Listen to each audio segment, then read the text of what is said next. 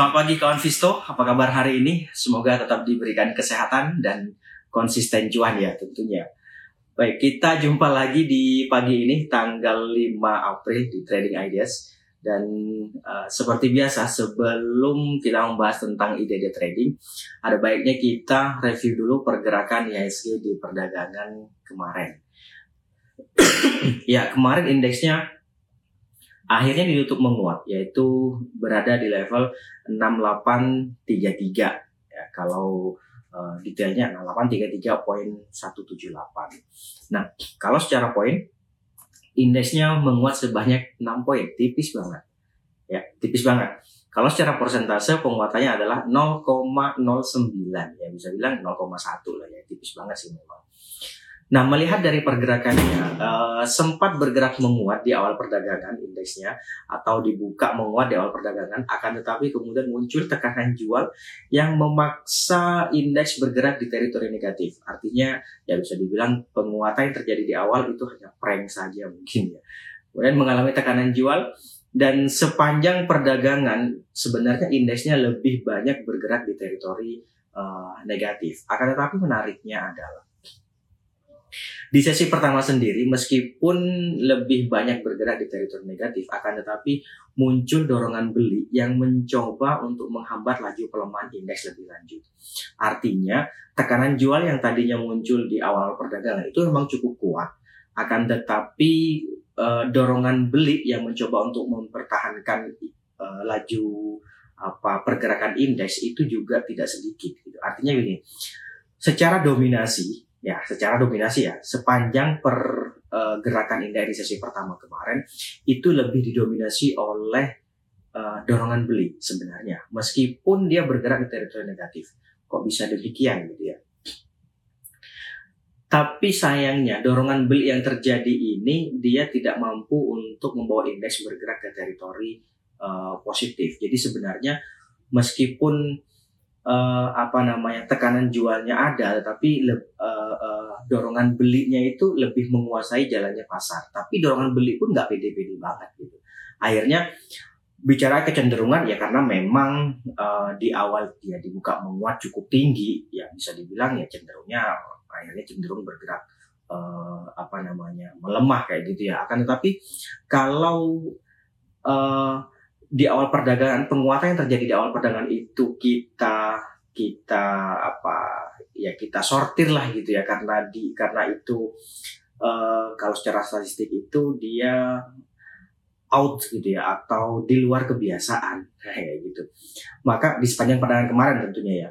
Maka dari jam kurang lebih setengah sepuluh atau setengah jam perdagangan sampai dengan akhir sesi pertama itu cenderungnya cenderung bergerak Gitu sih. Nah sedikit berbeda di sesi kedua dibandingkan dengan sesi pertama. Di sesi kedua ini relatif lebih sideways atau uh, apa konsolidasi. Jadi baik buyers maupun sellers ini tidak ada tidak ada yang menguasai lebih dominan gitu ya. Akan tetapi di akhir atau menjelang akhir sesi memang dorongan beli kemudian membawa indeks uh, apa namanya bergerak ke teritori uh, positif yang pada akhirnya kemudian ditutup menguat 6 poin gitu ya. Nah, secara keseluruhan maka bisa dibilang ya tetap aja sih cenderung bergerak melemah karena memang opennya uh, tinggi banget kemarin gitu ya. Menariknya adalah apakah kemudian uh, dorongan beli yang muncul di akhir sesi perdagangan kemarin itu akan berdampak ke hari ini? Coba nanti kita Oke. Ya, dari karena bagaimanapun indeks kemarin akhirnya pada tutup menguat gitu ya. Nah, dari penguatan yang terjadi di indeks kemarin, saham-saham apa saja sih yang pada akhirnya membawa indeks bergerak menguat? Lima besar saham yang membawa indeks bergerak menguat. Yang pertama ada Bian. Kemudian disusul oleh Adaro, lalu ada United Tractors atau UT, kemudian MDKA, dan terakhir ada BBRI. Itu dia lima besar saham yang membawa indeks bergerak menguat. Nah sebaliknya, lima besar saham yang mencoba untuk menghambat laju penguatan indeks di perdagangan kemarin, itu ada apa saja? Yang pertama ada Bank Mandiri. Bank Mandiri, kemudian ada Telkom, lalu ada AMRT, kemudian ada Cepin, dan terakhir ada uh, BCA. BCA kemarin ikutnya ya 0,28 uh, persen. Lumayan sih ya. Yang jelas dia masuk uh, di Lagarde gitu. Oke, nah itu dia untuk uh, apa namanya lima besar saham yang mencoba untuk menghambat laju penguatan indeks. Bagaimana dengan uh, transaksi asing? asing sendiri di perdagangan kemarin mencatatkan net sell secara keseluruhan itu adalah 42.46 bio. Net sell-nya 42 bio. Tapi kalau kita coba uh, apa namanya? Kalau kita coba untuk lebih detail di perdagangan reguler sendiri aslinya mencatatkan net buy justru. Memang tipis banget sih. Net buy-nya sebanyak 3,35 bio tipisnya. Nah, sementara di perdagangan non regulernya asingnya mencatatkan net sales sebanyak 39 bio. Oleh karena itu, jadi secara keseluruhan ya net sale-nya menjadi uh, apa namanya uh, 42. Oh, di perdagangan negonya dia mencatatkan net sale sebanyak 45 uh, 45 bio. Sorry saya salah. Lihat, 45 bio. Makanya secara keseluruhan karena dikurangi net buy menjadi 42 bio. Nah, dari net buy yang terjadi di pasar reguler tersebut, saham-saham apa saja sih di peran kemarin yang paling banyak dibeli oleh asing? Lima besar saham yang paling banyak dibeli oleh asing di peran kemarin. Yang pertama ada BRI, kemudian disusul oleh BNI, lalu ada Medco, kemudian ada Aneka Tambang atau Antam, lalu terakhir ada ICBP atau ICBP. Nah itu dia lima besar saham yang paling banyak dibeli oleh asing. Ya selain itu sih ada MTEK, Pegas, kayak gitu-gitu sih. Kemudian Akra, Semen Indonesia atau SNGR itu juga termasuk salah satu yang paling banyak dibeli oleh asing. Dan tapi masuknya ke 10 besar, bukan ke 5 besar. Oke, kemudian berikutnya uh, lima besar saham yang paling banyak dijual oleh asing di perdagangan kemarin ada apa saja? Ya, yang pertama ada Astra Internasional itu menduduki ranking pertama yang paling banyak dijual oleh asing. Kemudian disusul oleh Goto. Goto ternyata juga masih mengalami distribusi dari asing. Kemudian ada ITMG, ada UT atau United Tractors atau UNTR. Kemudian terakhir ada Telkom. Itu dia lima besar saham yang paling banyak dijual oleh asing. Selain itu ya ada Bank Mandiri sih. Bank Mandiri ah, termasuk juga Arto, Nika, Indi. Nah itu juga termasuk salah satu yang paling banyak dijual oleh asing. Akan tapi masuknya ke 10 besar. Kalau lima besarnya tadi Astra, Goto, kemudian ITMG, UT atau United Tractors, dan terakhir ada Telkom. Ya, Baik, saya pikir itu untuk transaksi asing. Nah, sekarang kita ke Outlook. Outlook hari ini gimana? ya, sebagaimana tadi sudah saya sampaikan bahwa sebenarnya indeksnya juga uh, apa? Bisa dibilang cenderung bergerak uh, melemah karena memang opening price-nya itu lebih tinggi dibandingkan dengan closing price. Tetapi kalau dominasi ya tadi sesi pertama adalah dominasi oleh dorongan beli di sesi kembang. Artinya sampai dengan saat ini indeksnya masih melanjutkan konsolidasi yang terjadi selama kurang lebih sepekan terakhir. Ya, memang mencoba untuk bertahan di atas EMA 50 dan saya pikir ini yang memberikan peluang bagi indeks untuk uh, ya melanjutkan penguatan, melanjutkan konsolidasi tentunya tapi ada peluang cenderungnya cenderung bergerak menguat. Nah, memang di kalau tentu mungkin ada yang bertanya, loh ini uh, apa namanya indeks globalnya minus loh, gitu ya, misalnya ya. Betul, indeks globalnya minus semua. Bisa saja memang di awal perdagangan indeks kita dibuka melemah terlebih dahulu sebagai dampak dari uh, apa namanya ya bisa dibilang panic selling dengan indeks uh, global ya bisa jadi tetapi belum tentu juga sih Pak Nisa. Tapi memang ada potensi untuk dibuka melemah terlebih dahulu. Tapi seiring dan berjalannya waktu ada peluang pelemahannya semakin menipis, semakin menipis.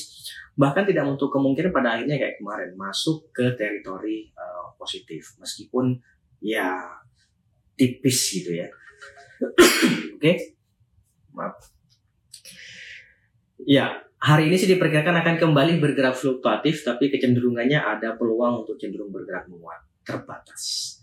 Range pergerakan ya tentunya masih sama ya karena uh, apa namanya karena kemarin kan kemarin uh, penguatannya ya tipis hanya 6 poin saja. Oke, baik saya pikir itu untuk outlook hari ini atau setidaknya insight lah ya gitu ya. Kemudian ide trading. Barangkali ada yang punya ide trading, boleh disampaikan nanti kita lihat bareng-bareng biar juga bisa cuan bareng-bareng. Oke, ide trading yang pertama.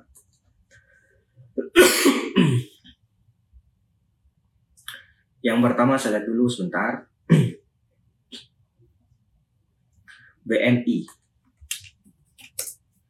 BNI, oke. Okay. Ini BNI sudah tiga hari terakhir ini ditutupnya selalu bertahan ya. Sebentar. 9350, 9350. Iya betul. Tiga hari terakhir dia bertahan di 9350. Uh, hmm, kalau didahulu ini ya, uh, coba nanti coba nanti bisa dilihat juga. Ini candle yang terbentuk ini kan doji selama tiga hari. Ya ini bisa dibilang sih three star kalau formasi candlenya akan meskipun tidak sempurna. Idealnya sih untuk BRI ini ada dua. Yang pertama adalah buy on witness boleh juga. Buy on witness bisa dipertimbangkan di 9200, 9200 sampai 9300 boleh di level-level itu. Kemudian nanti target take profitnya kalau dapat harga di 9200 menurut saya sih 9500 cukup sih. 9500 di atasnya ada 9600. Boleh main-main di level-level itu. Itu kawan. Yang kedua adalah strateginya buy on breakout Misalnya hari ini dia mampu bergerak di atas 9.400 menurut saya sih bisa saja spekulatif buy. Nanti targetnya, targetnya di berapa? Uh, eh, 9.600 cukup nggak? Coba nanti dihitung sendiri gitu ya. Yang jelas dengan closing kemarin maka resistance level terdekat itu ada di 9.500, di atasnya ada 9.600. Sementara supportnya itu ada di 9.300 paling dekat, di bawahnya ada 9.200 atau 9.150 ya di level-level itulah, gitu ya. Oke, itu untuk BNI kawan. Berikutnya ada lagi uh, sebentar. Hmm, Akra. Akra. Oke, ini dia Akra.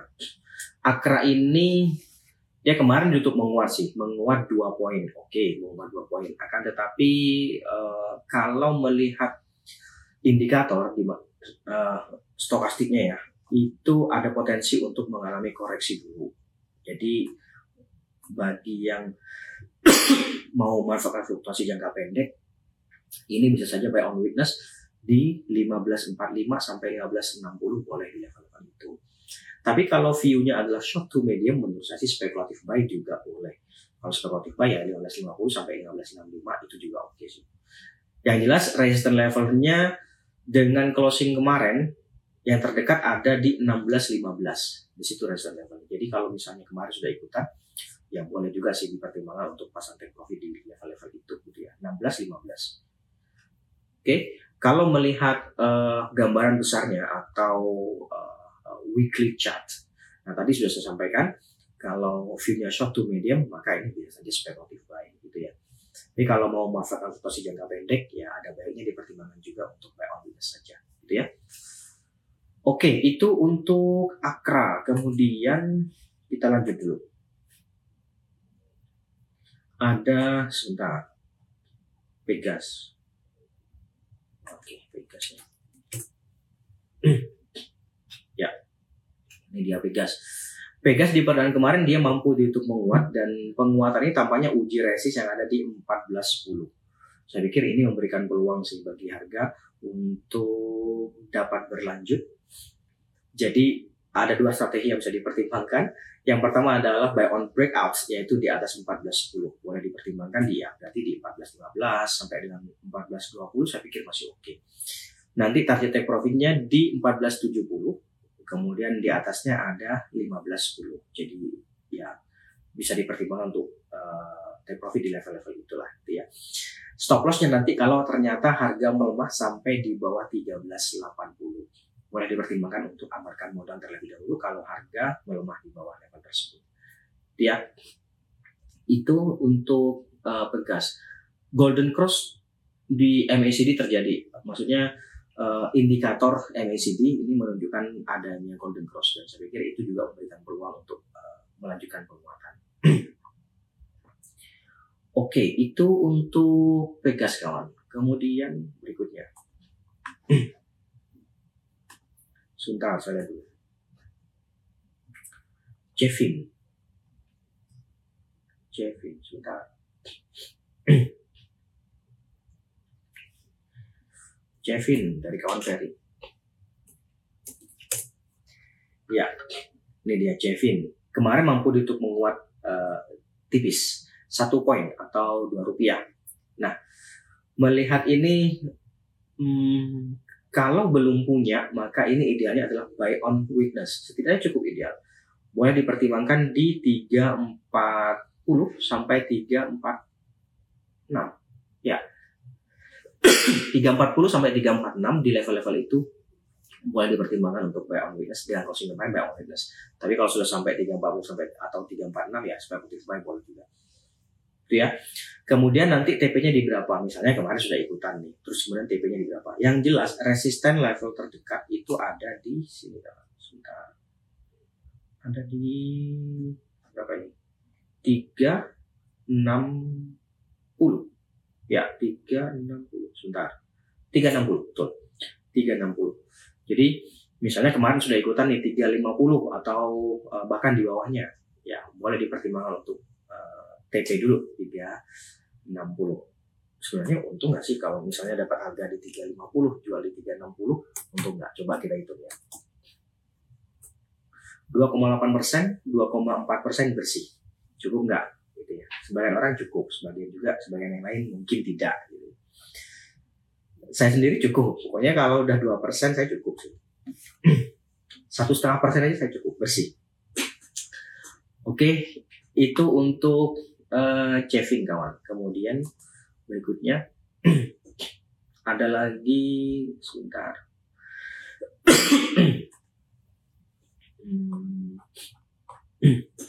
Mika, Mika, Mika.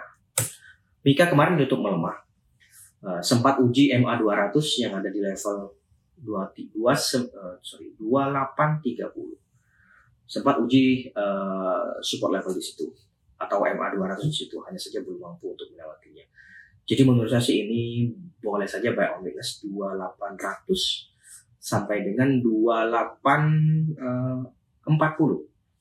2800 sampai 2840 uh, cukup menarik sih menurut saya untuk Mika ini. Terlebih uh, apa namanya bullish crossover juga terjadi di stokastik bahkan di wilayah oversold area. Jadi cukup menarik sih memang untuk Mika ini. Ini cukup bisa dibilang cukup kuat uh, kuat lah support levelnya di 2800 ini gitu ya buy on weakness 2800 sampai dengan 2840 di level-level itu kawan nanti TP-nya ya kalau dapat harga di dua berapa?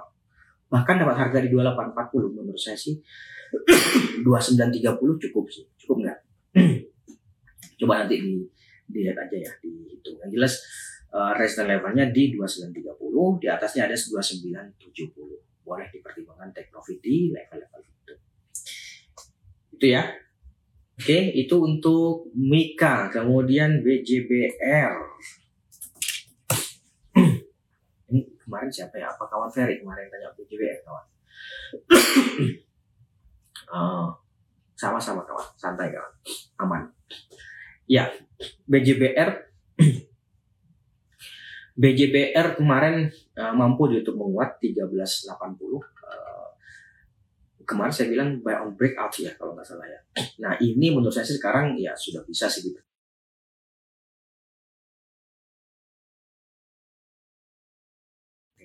Seratus empat dengan closing kemarin maka itu yieldnya atau dividen yieldnya itu tujuh persen. Bagi yang memburu dividen ya cukup layak sih menurut saya. Hukumnya nanti tanggal berapa sih hukumnya? Besok ya atau hari Senin? Karena kan tanggal 7 libur. Saya kurang uh, coba nanti dilihat lagi. Saya nggak hafal uh, kapan hukumnya ini. Tapi yang jelas yieldnya kalau di ini uh, kalau dihitung sekitar 7% gitu. Gitu ya. Oke, itu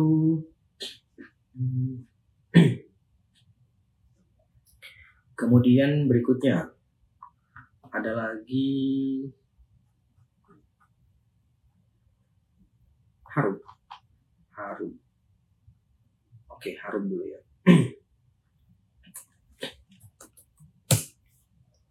harum.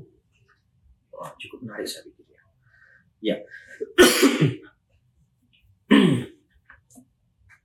harum. Kemarin harum mampu untuk menguat. Ada dua strategi yang bisa dipertimbangkan karena kemarin memang dia sedang uji EMA 2, EMA 50. Jadi dia uh, apa namanya belum mampu untuk melewati EMA 50 dan saya pikir itu satu-satunya yang akan mencoba untuk menghambat laju penguatan. Akan tetapi golden cross yang terjadi di MACD kemudian uh, semua indikator stokastik RSI itu berada pada kecenderungan menguat. Jadi saya pikir memang masih ada peluang sih untuk melanjutkan penguatan. Oleh karena itu ada dua strategi. Yang pertama adalah trading buy. Kenapa trading buy? Ya karena memang penguatannya kemarin sudah cukup tinggi. Jadi ya, biasanya kan akan terjadi pause terlebih dahulu tuh. Nah, Trading buy bisa dipertimbangkan di 1550 sampai dengan 1570 di level-level itu boleh lah. Kemudian nanti uh, target take profitnya bisa dipertimbangkan di 1610, kemudian di atasnya ada 1630 gitu ya. Sementara stop loss sendiri ya bolehlah di bawah 1530 atau sekalian ya di bawah 1500 sih sekalian gitu ya. Oke, itu untuk harum ya cukup menarik untuk harum. Sorry. Kemudian berikutnya ada MGRO.